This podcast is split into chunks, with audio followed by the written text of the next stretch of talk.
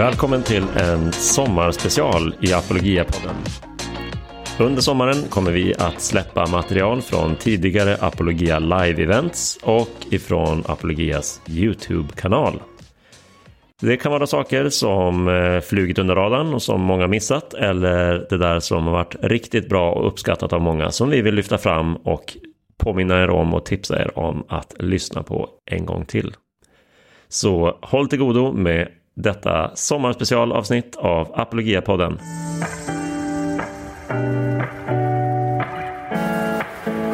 I del ett av den här serien presenterade jag en liten introduktion till apologetikens historia med början i den tidiga kyrkan.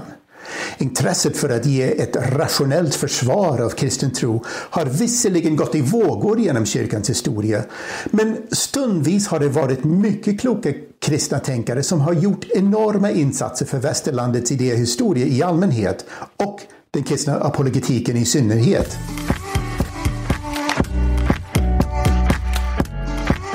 Den historiska apologetiken som var vanlig på Bibelns tid gav sedan vika under medeltiden för dels en betoning på mystik och dels en mer rationalistisk tro utifrån platonska, platonska filosofin som Augustinus hade kristnat. Eftersom den fysiska världen och kroppen ansågs vara mindre värdefulla än den andliga världen använde man inte naturlagarna naturrätten eller den allmänna uppenbarelsen som utgångspunkter för att försvara den kristna tron. Anselm utvecklade sitt ontologiska argument för Guds existens utifrån platonska idéer om Gud. Argumentet behövde ingen förankring i den fysiska världen, som kritikerna har påpekat i nästan tusen år. Om man kan prata om apologetik överhuvudtaget under den här tiden har den handlat mest om religiös erfarenhet. Icke-troende utmanas att överlämna sitt liv åt Gud och uppleva den mystiska unionen med Kristus. Denna trend vände då med skolastiken på högmedeltiden.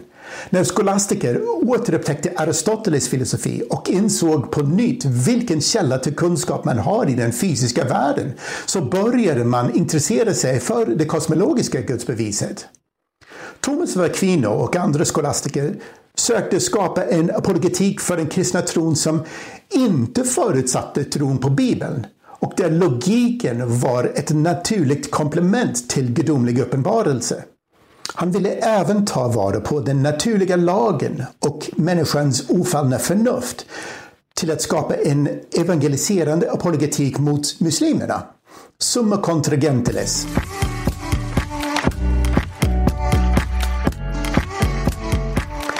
Tidigt i den moderna tidsåldern kan man uttyda tre riktningar inom apologetik.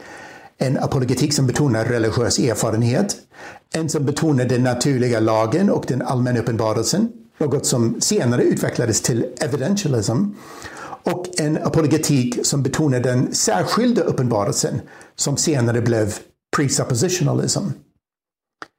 Den franske matematikern och munken Blaise Pascal betonade just religiös erfarenhet. Han skrev angående de traditionella gudsbevisen de metafysiska gudsbevisen ligger så på sidan om mänskliga tankegångar och är så komplicerade att de inte gör något större intryck på oss. Och även om de kan hjälpa somliga sker detta bara så länge de har beviset framför sig. En timme senare är de rädda att de tagit fel. Pascals apologetik avslöjade en skeptisk attityd till förnuftet som man annars inom 1600-tals rationalistiska filosofin höjde till skyarna. Pascal menade att syndafallet hade skadat förnuftet och gjort det mindre pålitligt. Ingen kunde leva enligt Descartes matematiska filosofi och man kan inte härleda kärleken, människans högsta erfarenhet, från förnuftet. Den naturliga lagen var inte heller en självklar källa för icke-troende människor. Pascal vädjade till människans vilja mer än till hennes intellekt och utmanade människor att överlåta sitt liv till Gud och uppleva glädjen, friden och tillfredsställelsen som Gud ger. En halv sekel senare presenterade John Locke en apologetik som byggde mer på den allmänna uppenbarelsen. I boken The Reasonableness of Christianity argumenterade Locke för den kristna tron utifrån sina kriterier för att bedöma påståenden som för oss är ovanför förnuftet. Han menar att man inte kan använda förnuftet och empirin för att granska trovärdigheten hos en människa som påstår något som för oss är ovanför förnuftet. Vi kan omfamna den kristna tron på grund av Jesu uppfyllelse av Gamla testamentets messianska profetier och på grund av Jesu mirakel, i synnerhet hans uppståndelse från de döda. Beviset på vår frälsares himmelska uppdrag är så övertygande i mängden mirakel han gjorde för alla slags människor att hans budskap inte kan betraktas som annat än orakel från Gud med otvivelaktig sanning. Ty miraklen han utförde på Guds försyns och vishetsbefallning var så uppenbara att ingen kristendomsfientlig motståndare kunde avfärda dem. Lock visar det här en attityd som också kommer att karaktärisera mycket kristen apologetik i den moderna världen. Om man bara ger tillräckligt med bevis så kan man inte låta bli att tro. Upplysningsfilosofins naturalistiska världsåskådning ledde under 1700-talet till deismens stympade religion där Gud inte längre gör under och varken svarar på böner eller engagerar sig i mänskliga angelägenheter. Eftersom Gud inte uppenbarar sig på något övernaturligt sätt fortsatte liberal teologin som senare utvecklades att reducera Bibeln till samma nivå som andra inspirerande texter om mänsklighetens förmenta erfarenheter av det gudomliga. Joseph Butler, som hade inspirerats av John Locks Reasonableness of Christianity, var en av 1700-talets främsta apologeter. Butler var verksam precis när den engelska deism var som starkast. Presuppositional apologetik betonar Guds särskilda uppenbarelse. Man håller med Calvin och eh, med Pascal att den allmänna uppenbarelsen finns tillgänglig för hela mänskligheten men preciserar att den blir maktlös på grund av människors synd. Därför behövs Guds särskilda uppenbarelse. Apologetiken fyller en funktion endast gentemot troende människor, att bekräfta och befästa det som de redan tror. Kristna kan bara förkunna tron på Kristus och låta den heliga Ande göra sitt verk i, i att övertyga och leda människor till tron.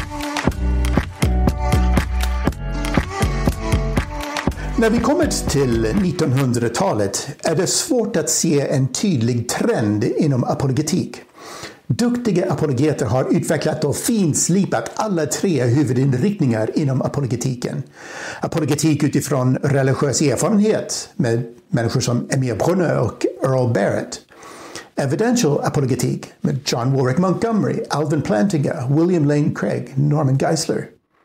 Och presuppositional apologetik som betonade en särskild uppenbarelse med Karl Barth och Cornelius van Til och till en viss grad Francis Schaeffer. Medan naturalism och liberal teologi fick större och större inflytande i religiösa kretsar reagerade många kristna genom att dra sig tillbaka. Det fanns en misstänksamhet mot intellektuella och en falsk stolthet i antiintellektualism. Bibeltroende kristna i USA fick ett juridiskt stryk med den ökända Scopes Monkey Trial 1925 där den kristne åklagaren misslyckades med att fälla en biologilärare för att ha undervisat Darwins utvecklingsteori. Kristna tänkare började formulera en apologetik för biblisk tro. Men eftersom man ansåg att modernism med dess trotjänare bolsjevism och teologisk liberalism utgjorde det största hotet mot klassisk kristen tro accepterade man omedvetet naturalismens förutsättningar och dagordning när blivande kristna apologeter utvecklade en forensisk apologetik. Om man bara presenterar tillräckligt med bevis så kan man inte låta bli att tro. Med den postmoderna världen upplever många apologeter att klassiska argument för kristen tro eller mot andra världsåskådningar nu möter ett nonchalant gensvar. Man förstår att människor svarar på den apologetiska bevisföringen genom att fråga ”än sen?” Några kända 1900-tals apologeter förutsåg detta, denna situation. C.S. Lewis försökte förena ett rationalistiskt försvar av klassisk kristen tro med den religiösa mytens förmåga att tala till människors hjärta. Francis Schaeffer vidhöll vikten av att fortsätta att ge genomtänkta svar på intellektuella frågor, även om man från vissa håll förnekar relevansen av intellektuella frågor och om just tron. Vid sidan om det intellektuella försvaret betonade Schaefer också ödmjukhet. Att kristna lever som de lär och erkänner att de inte alltid klarar av Guds höga krav för vårt beteende. Nya tider kommer alltid att presentera nya utmaningar för den kristna kyrkan som vill förmedla tron till nya generationer. Vi har ett långt och rikt arv som kristna apologeter, men vi får inte bara titta tillbaka. Vi måste fortsätta att lyssna till Gud och lyssna till vår samtid och engagera våra medmänniskor i meningsfulla samtal om livets stora frågor. Detta kräver förstås en hel del vishet. Precis som människorna som tillhörde Isakars stam i Första krönikaboken kapitel 12, 12 och vers 32 behöver vi tyda tidens tecken för att förstå vad Guds folk borde göra.